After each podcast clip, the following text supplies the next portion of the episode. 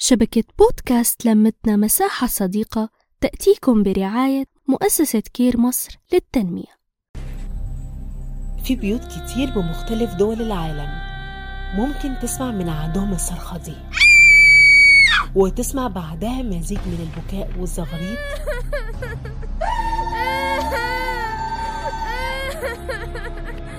بتعرف على طول إن أهل البيت ده إنتهكوا حق من الحقوق الإنسانية والجسدية. صدمة عصبية ونفسية ملهاش وصف. بتفضل في دماغ الضحية طول عمرها.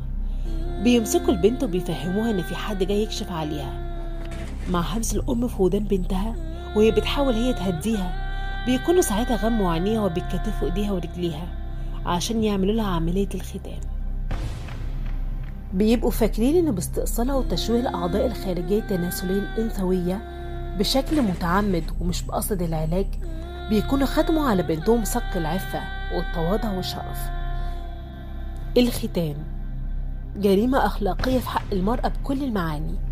بتمارسها حوالي 30 دولة في أفريقيا والشرق الأوسط وبعض الدول في آسيا وأمريكا اللاتينية وبعض المهاجرين اللي بيعيشوا في غرب أوروبا وأمريكا الشمالية وأستراليا ونيوزيلندا.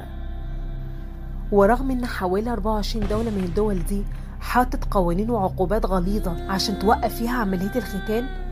بس لحد دلوقتي في دول كتير بيقدروا يطبقوها بشكل غير قانوني. الدراسات والتقارير أثبتت إن حوالي 200 مليون امرأة وفتاة تعرضنا لعملية الختان. تعرضنا للانتهاك الجسدي. تعرضنا لنوع صريح من أنواع العنف ضد المرأة. هو العنف الجنسي.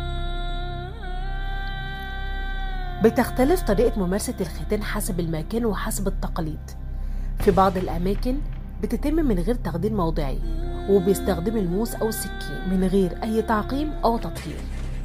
وكمان في أربع أنواع رئيسية من الختان أصعبهم وأبشعهم الختان الفرعوني اللي منتشر في السودان وبعض الدول الإفريقية طب إيه هي الأضرار اللي ممكن تسببها الختان للإناث؟ في مضاعفات فورية بتحصل أثناء عملية الختان.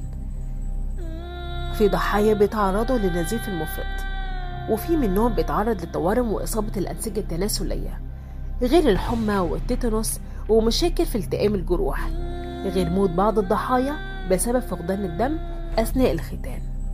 والمضاعفات طويلة المدى اللي بتتعرض لها الضحية بتبقى مشاكل متقدمة بالمسالك البولية ومشاكل في المهبل زي المهبل الجرثوم غير الآلام في الحيض وصعوبة في تمرير الدم الحيض كمان أثناء الدورة الشهرية والتهابات متكررة ممكن تؤدي للعقم غير مشاكل أثناء الولادة اللي ممكن تهدد حياة الأم والطفل. مشاكل جنسية زي ألم أثناء الجماع وانخفاض الرغبة الجنسية اللي بسببها ممكن تهدم بيوت كتير غير طبعا المشاكل النفسية اللي بتتعرض ليها الضحية.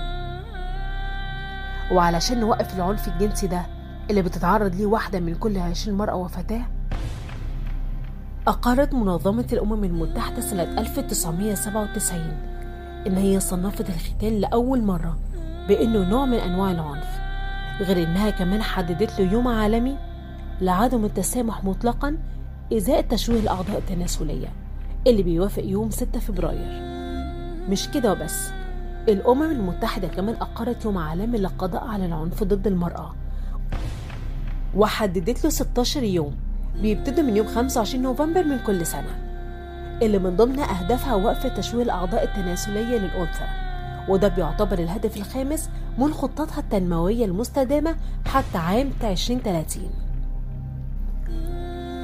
انت مالكيش ذنب في حاجات كتير بتتعرضي لها بسبب جهل المجتمع. انت ضحية ولازم تقف على رجلك. مستقبلك حاجة مهمة لينا. إحنا معاكي في كل خطوة. انت لست وحدك. نحكي نتشارك نتواصل.